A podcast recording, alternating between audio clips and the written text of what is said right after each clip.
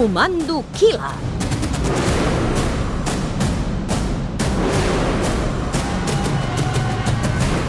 Doncs eh, ara que falten dos minuts només per arribar do- a tres quarts de sis de la tarda. Àlex Gorina, bona tarda. No sé si bona o dolenta o Eh, terrible. nosaltres- M'han perseguit aquest matí per culpa d'aquesta qui secció de Comando? Killer, eh?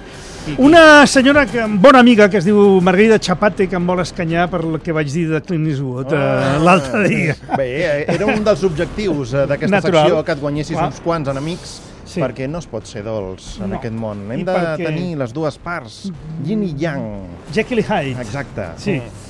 Molt bé. No, a més a més, si les coses són com són, són com Exacte. són, i ja està. Nosaltres estem tristos perquè és, eh, és el comiat del Comando Killer. Però Mm. bueno, te seguirem escoltant durant la temporada regular.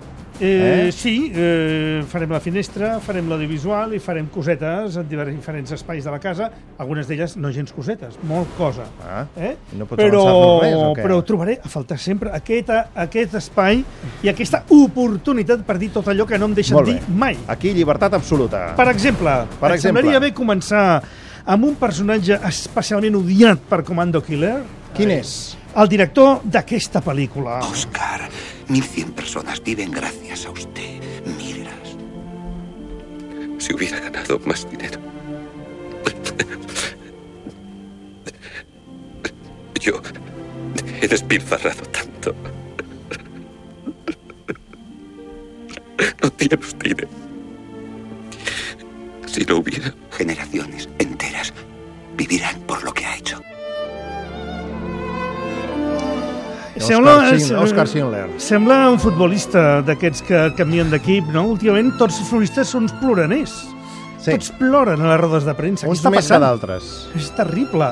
Bé, uh, Liam Neeson, la llista de Schindler, uh, Steven Spielberg, uh, el director de Mai una pel·lícula perfecta, a ser possible, i una pel·lícula especialment imperfecta, dedicada no a un senyor que tenia una fàbrica de sensors, sinó a un senyor que tenia una fàbrica d'utensilis de cuina, ubicada mm, molt astutament al costat de camps de concentració durant la Segona Guerra Mundial i avui dia, si vas a veure el Museu Schindler, els treballadors de la zona i tal et diuen no, si és que aquest senyor va ser molt astut, perquè tot això no ho va fer per salvar els jueus, sinó per cobrar-los per treballar a la fàbrica d'aquesta manera o sigui, els cobrava. Bé, això jo no sé si és veritat o no és veritat. És dir, per entrar a la llista de Schindler havies de pagar una pasta i estar treballant a la fàbrica gratuïtament durant un temps i d'aquesta manera va fer una fortuna, que després diu que va perdre.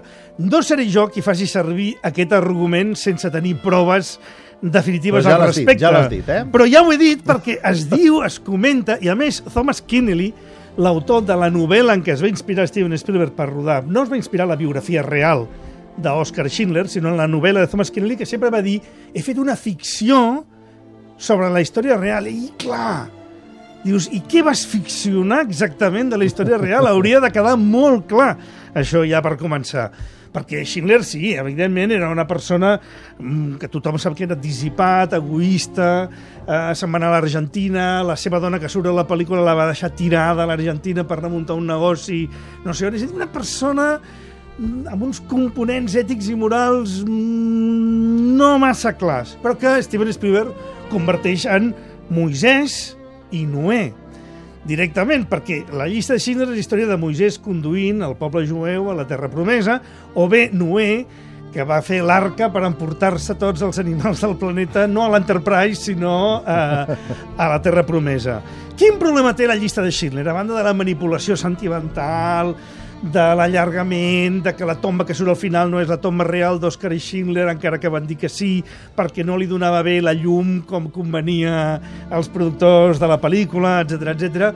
Doncs que té plagis de directors centreeuropeus que no es podien defensar ni van poder presentar querelles i que ja havien posat en les seves pel·lícules els elements més interessants de la pel·lícula de Steven Spielberg, que la va oferir a dirigir a Roman Polanski considerant que Roman Polanski va estar en el gueto de Cracòvia i la seva mare va morir al camp d'Auschwitz, doncs gairebé, gairebé va ser un acte de sadisme per part de Steven Spielberg, el productor, que l'obra de caritat de tots els beneficis de la pel·lícula els va dedicar a la Shoah Foundation, ho va convertir en un element publicitari i de promoció de si mateix. És a dir, quan fas una obra de caritat, L'únic que no has de fer en la vida És fer-ho públic. fer-ho públic i convertir-ho en, en autopropaganda. I la pitjor oferta de totes, contractar Robin Williams perquè l'ambient del rodatge era tan depressiu en la llista de Schindler que portava Robin Williams a fer gags còmics per entretenir els actors.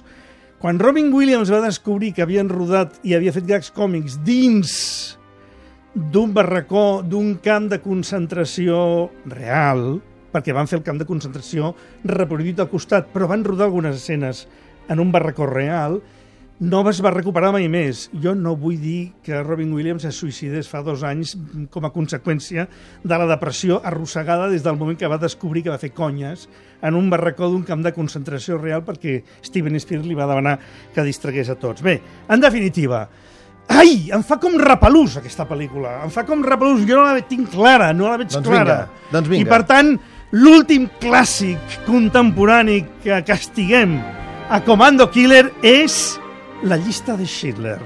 Voleu una estrella?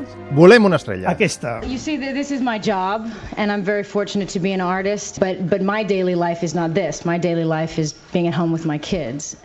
There's very little division between that and understanding what's happening in the world. Avui tenim una dona, veig. Una dona adoptadora professional. És molt interessant, això, Ja sé eh? qui és. Ex Angelina Jolie Voigt, pel nom del pare. Ex Angelina Jolie Bertrand, per la mare. Ex de Johnny Lee Miller, ex de Billy Bob Thornton i ara de Brad Pitt, ex de la Jennifer Aniston. És la dona ex. Angelina Jolie Pitt. Sis fills, tots tatuats en el seu cos. Té tatuat la data de naixement dels fills en el seu cos. La H de James Heaven, el germà, i de Timothy Hutton, el primer home de la seva vida. Una frase de Tennessee Williams. El símbol de l'amor en japonès. Dos símbols indis, un drac i una creu doble. Una frase que diu, el que m'alimenta també em destrueix. I un somni, el seu treball ideal, maquillar cossos de morts. Ai, mm, Això ha Mordor, dit això. Angelina Jolie. Un animal de companyia, les serps. Quatre premis Razzi i molta por al càncer. Això ja ho sabíem. No tinc res contra les causes humanístiques, no tinc res contra les Mia Farrows i no tinc res contra les persones que intenten fer una carrera com a directora. Intenten guanyar un Òscar que ja el té, per cert. Ara bé, és una persona malèfica. Te la mires i és molt malèfica. La pena és que com va interpretar Malèfica, la va fer bona. Llavors, com pots interpretar a la malèfica real de Walt Disney i transformar-la en una fada bona? És impossible. O sigui, això és un error garrafal de la seva vida. Molt millor la veu de la Malèfica original i sobretot de Núria Mediavilla, que era la dobladora de la Malèfica original. Angelina Jolie, adoptadora professional, tatuada, eh, persona interessant que intenta demostrar-se a si mateixa, té un vici i un problema el gest de la cama. Alguna vegada heu vist Angelina Jolie entrant en una gala de premis dels Oscars del que sigui? Us heu fixat que té una cama que surt en un angle impossible mm. per la raja del vestit No. i cau a terra també en un angle impossible. Sigui el moment que sigui i es faci la fotografia amb qui se la faci, Angelina Jolie no té cama, com Pretty Woman. Vosaltres sabíeu que les cames de Pretty Woman a la publicitat no eren de Julia Roberts? Que van fer una cama shop? És a dir, una Photoshop de cames de la Julia Roberts? Jo crec que Angelina Jolie va pel món a fer-se fotografies a les entrades de les gales dels premis amb una cama postissa que surt de la faldilla de manera incomprensible. A part d'això, adoro Angelina Jolie, però A part d'això, diu, sort. sort. l'última estrella castigada per Comando Killer d'aquesta temporada és Angelina Jolie, ex Pit o no. Vete a saber. Volem un clàssic de tota la vida, va. Entrem en matèria? Sí. Mira, Ben-Hur. Podéis Oh. conquistar nuestra. Escolta. Podéis sembrarla de cadáveres. No es Cataluña. No parla de Cataluña. levantarnos. Ah, solo vivís de ensueños fallidos de vuestros mitos del pasado. La gloria de Salomón pasó. ¿Aún crees que volverá? Ni Josué ni David han de levantarse para salvaros. Solo existe una realidad en el mundo de hoy. Mira hacia Occidente, Judá. No seas necio, mira hacia Roma. Prefiero ser necio a ser traidor o asesino. Soy un soldado. Sí, que mata por Roma y en Roma está el mal. Te prevengo que- No, te prevengo yo. Roma es una afrenta a Dios. Roma esclaviza hoy a mi raza, a mi país, a la tierra toda. Pero no para siempre. Y ahora te digo que el día que caiga Roma resonará un grito tan grande de libertad como jamás haya oído hasta entonces en el mundo. Com és possible que ningú hagi encara aprofitat aquest diàleg de Ben-Hur en algun 11 de setembre? No donis idees, no donis idees, que encara ens queden uns quants. No hi ha 11 de posats, no? Bueno, un conte dels temps de Crist, escrit per un general de la guerra de secessió sudista, a més a més, que no era religiós especialment, però que va aconseguir la benedicció del papa, Lleó XIII, en el moment de la publicació, al segle XIX, d'aquesta novel·la. No diré novel·la, no, diré mamotreto. Era un mamotreto descomunal que va vendre més exemplars que la cabana de l'oncle Tom, que ja és dir en aquella època. I de la que s'han fet cinc pel·lícules. La última s'estrena ja, és el gran fracàs d'aquest estiu. calia. Calia. Bueno, no ho sé, Ben Affleck, a qui sabeu que adoro, ens acaba d'anunciar que farà un remake de Testimoni de càrrec, la pel·lícula de Billy Wilder amb Tyrone Power, Charles Lawson i Marlene Dietrich, basada en la novel·la d'Agatha Christie. Farem Mordor l'any que ve? Eh, bé, mm, això no se sap, li hauràs de preguntar si al fem director. Mordor l'any que ve i Comando Killer té dret per a aquí, eh? ressuscitar, us demanaré fer el primer clàssic contemporani testimoni de càrrec de. Ben Affleck eh, per començar. Dir-li clàssic contemporani ja, sem, Sí. ja crec que és exagerat, però vaja. Què tinc contra el Ben Hur del 1959 de William Wyler amb la seva carrera de quadrigues, el seu Charlton Heston, la única supervivent, que és Haya Hararet, que feia el paper d'Ester, és l'única que queda de tot el repartiment d'aquella pel·lícula. Té 90 i pico anys. Què tinc en contra? Bueno, bàsicament diverses coses. Que van ser covards a l'hora d'explicar les relacions homosexuals entre Ben Hur i Messala. Això ja ho sabem tots. És un clàssic i està demostrat. Havien tingut rotllo i rotllo potent. I com que Messala no es va poder tirar a Ben-Hur, es va enrotllar amb Tirzà, que era la seva germana. Perquè alguna cosa semblant tenia. No em miris amb aquesta cara, no? Això és una cosa que està demostrada. Però és que, a més a més, després de tota aquella pel·lícula, i les leproses, i la galera, i Jesucrist donant-li de veure el desert, i l'entrada de Roma, i a Ibrahim, i els cavalls blancs, i tot plegat. I quan ja sembla que la pel·lícula ja no dona més de sí, ja portes tota la vida veient Ben-Hur, comença el Via Crucis. I passes per tot el Via Crucis amb Jesucrist i la creu i les fatejades i el miracle final. És aquest moment.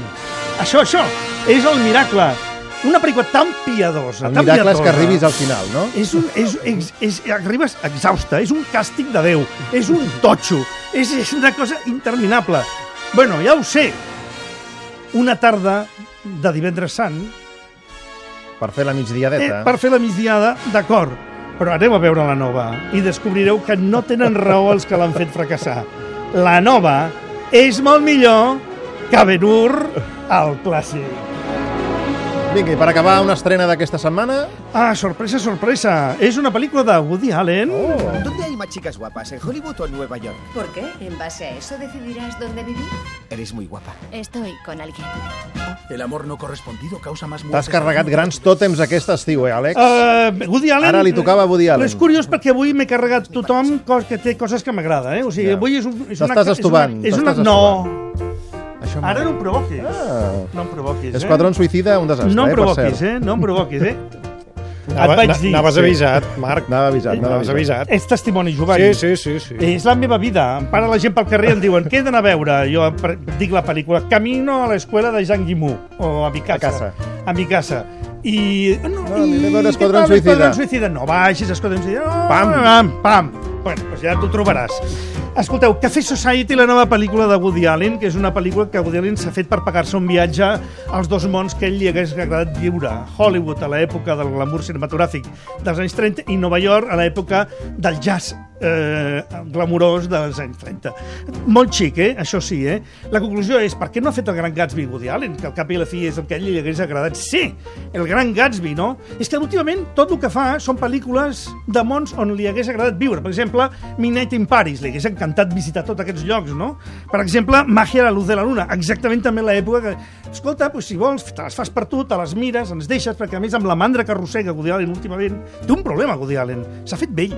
És a dir, té un problema, és que li posa morro, li posa ja mandra, és a dir... No, té el problema de marcar-se, de fer una No, pel·lícula no. cada any, també, no? Les fa poc elaborades, festes, festes, canvis de música, veu en off, ell explicant la història... No, ja l'estem veient, no em facis ràdio. És a dir, quan vaig a veure una pel·lícula no vull que em facin ràdio. Si estic veient el que estic veient, no vinguis tu i m'ho expliquis en veu en off, perquè llavors estem fent ràdio. Jo, quan faig ràdio, vull fer ràdio. Quan vaig al cine, vull veure una pel·lícula. M'entens la diferència, no? I per altra banda poso el pilot automàtic i xerrera, xerrera, xerrera, xerrera, sense el brillo ni la inspiració dels vells temps. Se li llarguen les pel·lícules. A més, aquesta mania que ha agafat d'agafar J.C. Eisenberg de protagonista per ser el seu alter ego, per ser F. Scott Fitzgerald, no! De cap de les maneres, no ho serà mai. Ni tan mateix Woody Allen. És a dir, un actor tan horrorós que és capaç de carregar-se el dolent de Superman eh, sí. i fer el pitjor dolent, en el pitjor sentit de la paraula, el vau veure? Bueno, però és que aquella pel·lícula, Lex Luthor, El- el no, Luthor no, era, no era el pitjor d'aquella pel·lícula, és, és tota la pel·lícula Tota Batman la pel·lícula era un contra desastre. Superman era un Però desastre. en una pel·lícula dolenta com aquesta, l'únic que has de fer bé és el dolent de la pel·lícula. I va i la fa J.C. Eisenberg i fracassa totalment. Clar, en aquesta pel·lícula, a més, el poses al costat de Steve Carell, que mai superarà Steve Martin. I el poses al costat de Kristen Stewart, que mai superarà la nòvia cadàver, encara que ho intenta. Al final, Blake Lively, que és la dels taurons d'Infierno Azul, és l'única que val una mica la pena, i la mare jueva, com sempre. Aquestes les fa brillar. La primera fotografia digital, artificial, no funciona. Per què no l'ha fet en blanc i negre o amb els colors del Technicolor de l'època? En definitiva, quan vagis a veure Café Society, prepara't per veure... L'an- L'aniré a veure avui, doncs, va. No pots encara. Encara no no pots encara fins divendres. Escolta, quina és l'última pel·lícula bona que ha fet Woody Allen? L'última pel·lícula... Midnight in Paris. Midnight in Paris. I des de Roma con amor, que era molt lletja, però, clar, no pots comparar un Dino Risi amb un Ernst Lubitsch. Per tant, ja té sentit que la pel·lícula fos una mica lletjota, brutota, sexualota, apitregada... Doncs, avui hauré d'anar a veure el plegat, Sant Guimó, no? doncs. Bueno, Gorina, moltes quina gràcies feinada. per tot. Sí? I fins sempre. No m'agrada que Mordor... fins sempre, no, fins sempre, Mordor, Marc. no, Mordor no, mata'm, mata'm. Banc Sabadell t'ha ofert aquest espai. Sabadell, sé on siguis.